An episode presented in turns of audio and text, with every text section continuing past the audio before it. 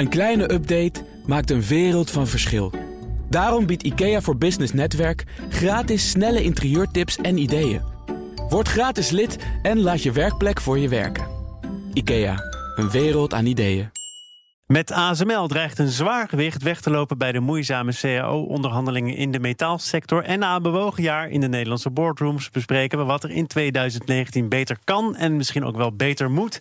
Daarvoor zijn aanwezig uh, Pauline van der Meermoor, commissaris bij HSBC, DSM, president-commissaris bij EY en vanaf 1 januari voorzitter van de monitoringcommissie Corporate Governance Code. Steven Schuit is er ook hoogleraar Corporate Governance aan de Nijrode Business Universiteit. En Leen Papen, ook hoogleraar Corporate Governance aan Nijrode. Collega's dus, directe collega's? Ja, dat zijn we. Kunt u het een beetje met elkaar vinden? Absoluut. Goed. Oh, jammer eigenlijk voor dit panel. maar niet altijd eens. Oké, nou dan heb ik toch nog uh, goede hoop. En uiteraard ook nog altijd hier mijn zakenpartner van vandaag... Nathalie Franke, bedrijfskundige en eigenaar van de externe voorzitter. Het is het laatste panel, boardroom panel van dit jaar, van 2018. En daarom de vraag, te beginnen bij jou Paulien. Wat is voor jou het belangrijkste nieuws geweest het afgelopen jaar? Nou, voor mij, uh, dat is misschien niet hetzelfde als wat voor een boardroom panel interessant is geweest. Dus laten we even, laten het even op het boardroom panel uh, inzoomen. Ik denk dat het voor me mensen in een boardroom dit jaar echt niet te, te ontkomen was. Uh, alle nieuwsgaring rondom ABN AMRO en het koningsdrama of koninginnendrama daar. Onmiddellijk op de voet gevolgd zou ik zeggen door het drama rond ING.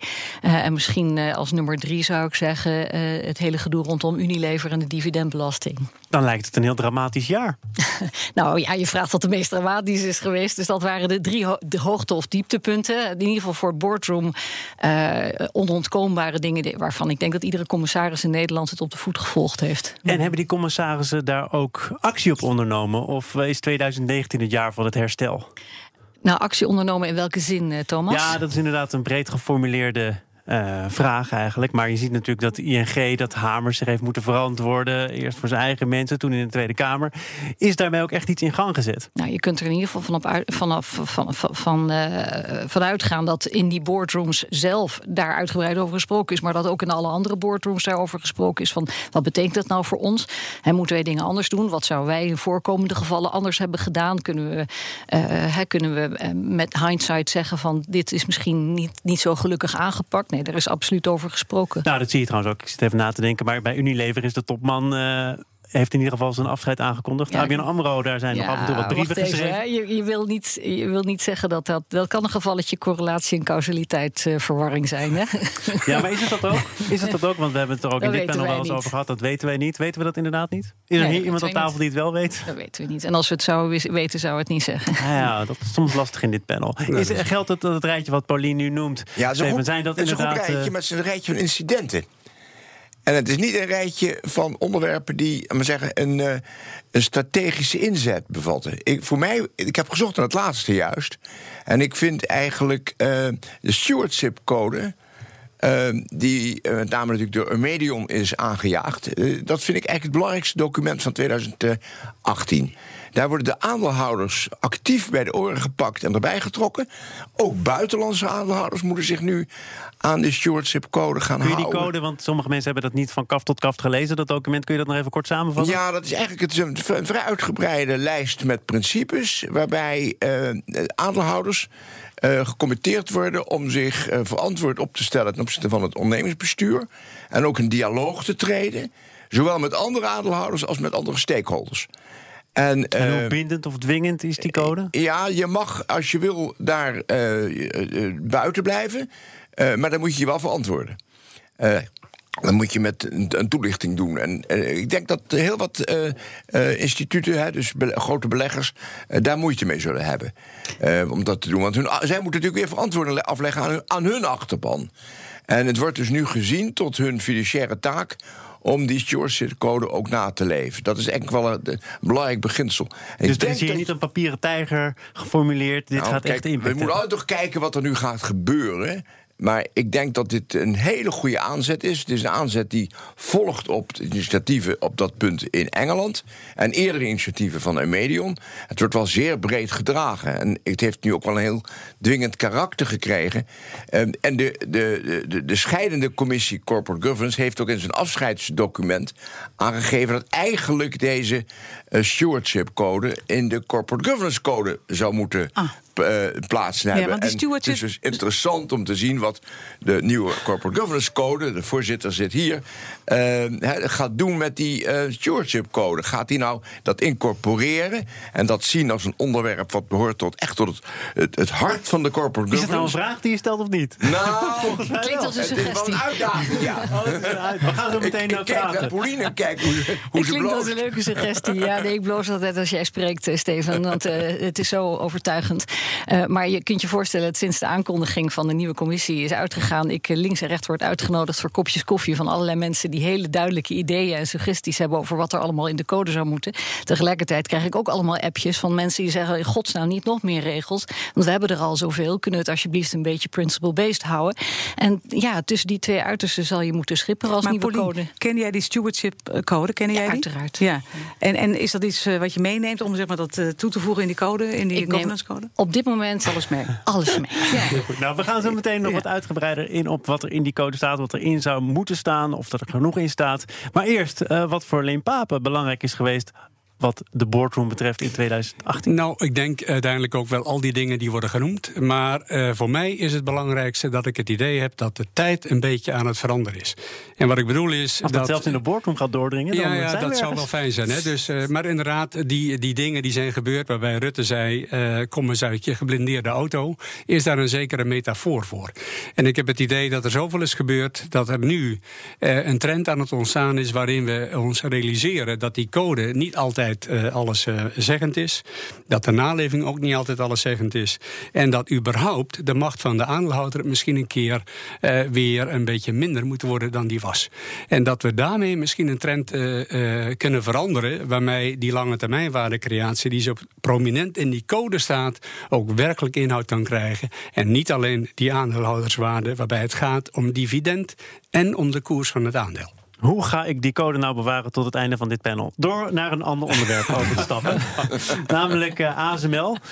Uh, overweegt namelijk om uh, vanwege moeizame CAO-onderhandelingen... een eigen bedrijfs-CAO op te richten. Onder meer omdat ASML de bemoeienis van de vakbond FNV zo goed als zat is. 2% van de werknemers is lid van die vakbond. Paulien, jij was commissaris bij ASML tot ja, voor negen jaar lang negen jaar lang. Is dat voor jou een verrassing dat dit nu speelt? Ja, want het speelt al veel langer. Kijk, ASML is natuurlijk niet, eh, zoals Peter Wenning ook altijd zegt, geen standaard eh, productiebedrijf. Het is een bedrijf met de hoogste, eh, hoogste dichtheid aan PhD's in, in, in Nederland.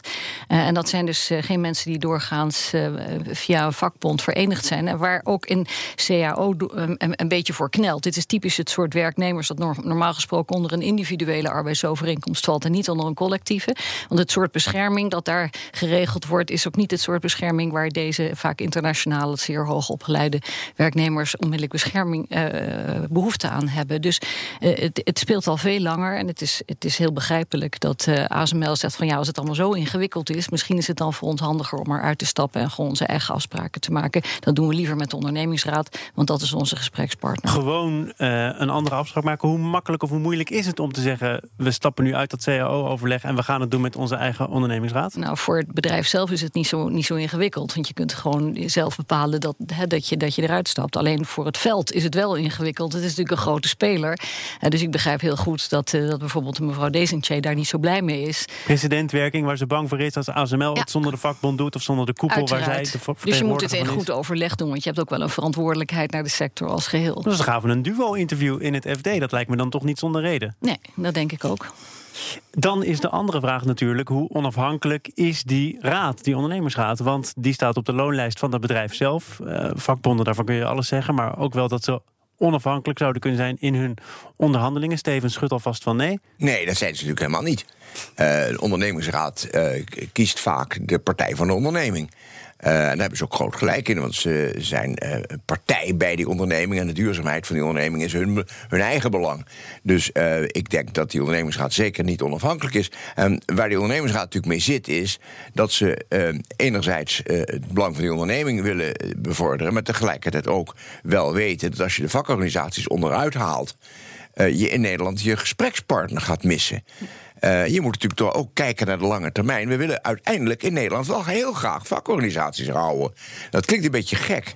Misschien zelfs gek uit mijn mond, maar zonder uh, vakorganisatie heb je geen wederpartij om een CAO mee af te sluiten. Maar hoe dus- groot mag de mond van die wederpartij zijn als je zoals bij nou, ASML nog 2% van de werknemers vertegenwoordigt? Ja, kijk, dat is altijd een probleem. Ehm, dat, dat probleem hou je. Hè. Je vertegenwoordigt als vakorganisatie meestal uh, maar een minderheid. maar je moet opkomen voor ook de mensen die de freeriders zijn. De mensen die dus geen lid zijn, geen contributie betalen, maar wel de, de, de voordelen van die onderhandeling genieten. die een FNV voor hun uit uit de, uh, in de wacht sleept. Dus um, je moet als FNV toch uh, opkomen voor het grotere geheel. En ik denk dat ze uh, in de moeilijke, voor de moeilijke keuze zitten. Ik zou me niks verbazen als ze op dit moment bij elkaar zitten. met de vraag: wat zouden wij moeten doen als FNV om enerzijds wel geloofwaardig te blijven aan de bak. en anderzijds, ja, uh, ASML toch de ruimte te geven om een eigen uh, salarispolitiek te volgen. Ja, ik uh, snap uh, de beweging van ASML hè, en Jumbo doet het ook. Ja. Dus in die zin is er ook in zekere zin een trend. Uh, ik snap hem, zeker van ASML, maar hij is wel zorgelijk. je ziet namelijk niet alleen dat de macht van de vakbonden afneemt, het ledenaantal neemt af. en inderdaad, wie is dan je gesprekspartner? Maar je ziet ook al jarenlang de arbeidsinkomensquote dalen. En je ziet dus de factor kapitaal meer krijgen dan de factor arbeid. In Nederland staat hij nog op 71. In Engeland is hij beneden beneden 50. En daar heeft mevrouw Thatcher in de jaren 80 de vakbonden vakkundig de nek omgedraaid. En dat is dus niet goed voor de sociale verhoudingen in een land. En Engeland en Amerika zijn daar voorbeelden van. Dus ik snap ASML, maar ik vind het wel een zorgelijke ontwikkeling in dit landje. Nou, ik denk dat we het redelijk met elkaar eens zijn. De vraag is wat dan de juiste uitkomst zou moeten zijn. Hè? Volgens mij is er niemand die zegt... je moet hier de vakbonden de nek omdraaien. Sterker nog, we zijn denk ik het uh, heel erg met elkaar eens... dat die vakbonden belangrijk zijn uh, voor Nederland. Tegelijkertijd is dit een, een maatpak dat knelt voor ASML. Hè? Dus het is echt begrijpelijk dat ASML iets anders wil. Dus, dus ja, dat is het dilemma waar je mee zit. En Peter Wenning zegt... Uh ik wil best met vakbonden aan tafel. Maar door dit proces zo lang te rekken, heeft het ons ook al tientallen miljoenen gekost. Dat gaat ons echt beschadigen. ja. En dan komt het moment dat je, dat je zegt van ja, maar dan gaan we gewoon echt ons eigen pad trekken. Dus de vakbonden hebben natuurlijk ook eh, een probleem. Niet alleen in dalende aantallen leden, maar natuurlijk ook dit soort ontwikkelingen, die moeten zij zich aantrekken. En de vraag stellen: oké, wat doen wij dan niet goed in de verhoudingen in dit landje om te zorgen dat we wel op een goede manier, op een, normale, uh, een normaal tempo, tot een afspraak kunnen komen. Hij kwam nog een statistiekje tegen van AWVN. Hij heeft een paar jaar geleden weliswaar gevraagd aan werkgevers met wie ze liever om de tafel zaten, hun eigen OR of de vakbond. En zij zeiden toen: geef ons maar de vakbond. Dat zijn professionele onderhandelaars. Die kennen ook de complexe materie, bijvoorbeeld rondom pensioenen. Mhm. Dus zelfs werkgevers zijn over het algemeen nog geneigd om te zeggen: geef ons maar de vakbond. Ja.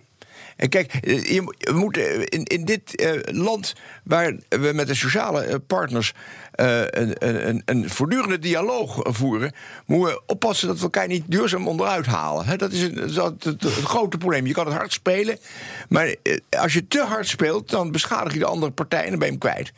Dus um, en je hebt die partijen nodig. We gaan het hebben over het komende jaar. Want dat zal wel eens een jaar kunnen zijn met toenemende politieke onzekerheid, afnemende economische groei, hoge schulden. Wat moet je met die ontwikkelingen als bestuurder, als commissaris? Paulien, is dat iets waar je ja, rekening mee moet houden natuurlijk sowieso. Maar wat kun je daarmee als bedrijf? Ja, natuurlijk. Je moet altijd inspelen op, uh, op ontwikkelingen. En daar komt ook nog even brexit bij, om nog even aan de onzekerheid toe te voegen. Dus daar zijn alle bedrijven ook mee bezig om te kijken van wat gaat dat dan betekenen. Iedereen heeft een grote kristallenbol en niemand weet hoe de wereld eruit gaat zien. Dus het beste wat je kan doen is op, uh, op uh, alle scenario's voorbereid zijn. En je gewoon heel goed voorbereiden op alles wat mogelijkerwijs kan gebeuren. Betekent het ook dat je bepaalde echt grote beslissingen, zoals een overname bijvoorbeeld, even uitstelt? Voor sommige bedrijven kan dat, eh, kan dat absoluut aan de orde zijn, ja. ja. ja wordt een beetje een defensief jaar op die manier? Ja, kijk, dat goedkope geld, dat heeft ons toch uh, volgens mij parten gespeeld. Het was erg makkelijk om te lenen, want je hoeft nauwelijks rente te betalen. En veel bedrijven zijn overgefinancierd. Uh, en uh, het voorbeeld uh, waar jullie als Financieel Dagblad ook over geschreven hebben, heeft natuurlijk is InBev. Um, dat is een, een, pijnlijk voorbeeld. Gaat dividend halveren door, om zo de schuldenberg eh, af te bouwen? Die hebben een, een, verschrikkelijk hoge schuldenberg. En dat is echt een, dat is echt een probleembedrijf geworden. En die koers is enorm in elkaar gestort. Uh, dat zou nog wel eens verder kunnen gaan, want dat is natuurlijk een proces. Waar plotseling die, uh, die analisten zien dat er ergens een, een, een tegenpartijrisico ontstaat. Dus ik denk dat. Uh, het is natuurlijk helemaal niet nieuw. Hè? Er zijn al heel veel mensen die hebben gezegd dat monetaire beleid is wel heel erg lang heel ruim geweest. Ja. We zijn nu heel erg laat. Ja. Ik ben het met je eens, maar de, de, de valkuil is, is vrij groot. En wie valt er als eerste in? Uh, er zijn verschillende bedrijven die, die uh, zwaar gefinancierd zijn. Dus ik denk dat wat je nu moet doen, is de, heel erg op die uh, schuldenratio spelen. En proberen een solide financiering weer als bedrijf te krijgen. Betekent wel slecht nieuws voor de aandeelhouders natuurlijk, als het ten koste gaat van. Meer slecht nieuws. Het, het kan als niet slechter. Nou ja, we hebben in 2008 een enorme crisis gekregen. En hoe kwam die? Door overkreditering. Wat was het middel wat we hebben toegediend? Nog meer krediet in de economie stoppen dan we toch al hadden gedaan. Met andere woorden, eh, de vraag is wanneer gaat de wal het schip keren? Eh, want er is natuurlijk eh, nog nooit vertoond, dit experiment in de economie. En inderdaad, de schulden zijn nog nooit zo hoog geweest. Niet alleen bij bedrijven, maar ook bij particulieren, ook bij studenten. Dus als de rente gaat oplopen, dan weten we waar dat toe kan leiden? omhoog gaat, wat niemand verwacht verwacht op de korte termijn overigens. Dus iedereen denkt dat die nog wel laag blijft, behalve in Amerika. Maar als het gebeurt, dan loopt dat natuurlijk een keer uh, ongelooflijk spaak. InBev is een partij die heeft overnames gedaan, gefinancierd met vreemd vermogen. En dat was gewoon een hele slechte overname, die laatste. Eh, dus dat hebben we als casus ook wel gebruikt in, in, in Nijenrode om te laten zien vanuit corporate finance dat dit een deal was die waarde vernietigde. Om even terug te keren naar lange termijn waardecreatie. Dit was hem niet. En dit komt vaker voor en dus zal het jaar 2019 er eentje worden waarin, denk ik, iets prudenter zaken wordt gedaan dan in de afgelopen periode het geval is geweest. Dus eigenlijk een zelfreinigende beweging dan? Zeker, alleen hopen we natuurlijk wel dat die lucht langzaam uit die ballon loopt en dat de ballon niet met een enorme knal uit elkaar ploft, want dan hebben we natuurlijk allemaal een reuze probleem lange termijn waardecreatie. Dan komen we denk ik bij die code, Paulien. Is dat het sleutelbegrip? Nou, het is zeker een van de sleutelbegrippen. En het is een eh, begrip dat door de, door de vorige uh, commissie is geïntroduceerd in de code. En waar dus denk ik nu alle bedrijven mee bezig zijn. Om dat, uh, voor zover ze dat nog niet deden, om, om daar serieus naar te kijken. En daar met name ook verslag over uit te brengen. Ja, ik heb je nu een paar keer aangekondigd als de nieuwe voorzitter van die monitoringcommissie Corporate Governance Code. Gefeliciteerd. Dat op de eerste plaats. Maar wat betekent dat? Wat ga jij doen?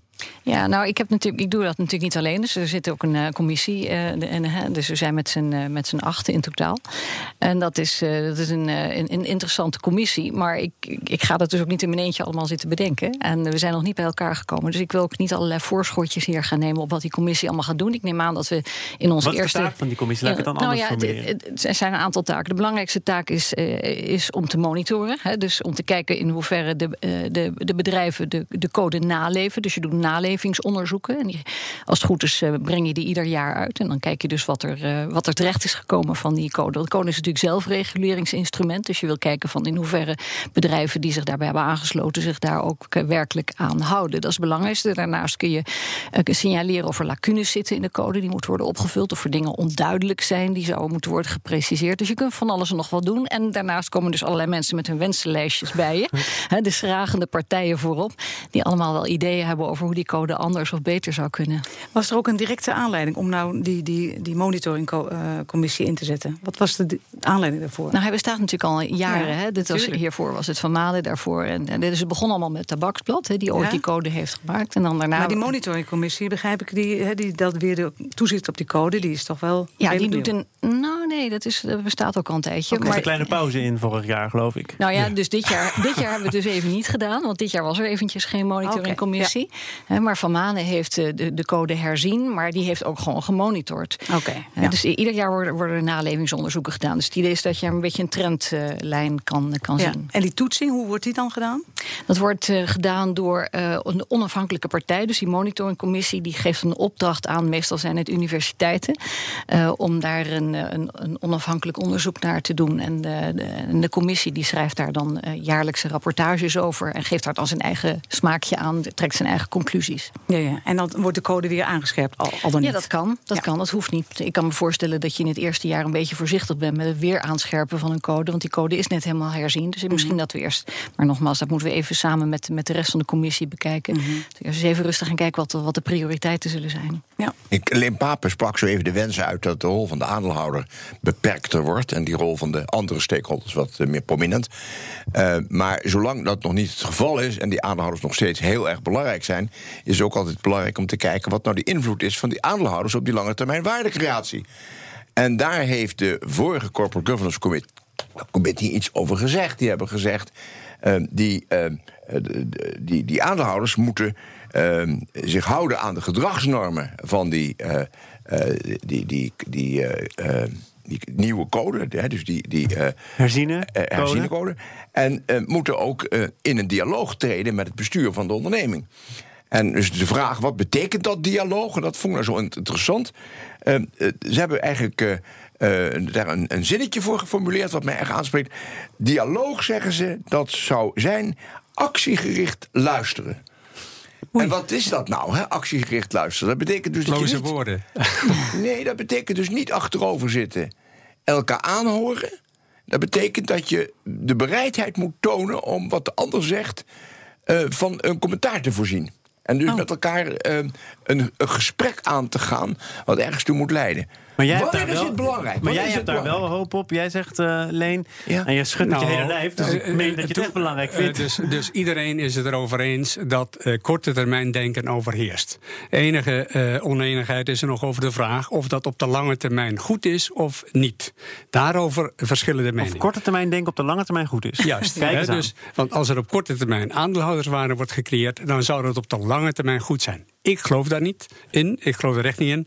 Omdat je heel veel externalities ziet. Eh, milieubelasting, de macht van ondernemingen die te groot worden. Eh, gebrek aan innovatie. 40 jaar geleden besteden we nog meer dan 60% van de winst aan innovatie. Nu minder dan 10%. En als we nou toch even veronderstellen dat innovatie de motor is van lange termijn waardecreatie, dan zijn we niet goed bezig. En dat komt omdat we te veel winst uitkeren via dividenden, veel, uh, te veel aandelen inkopen. Uh, en dat doet de macht van de aandeelhouder.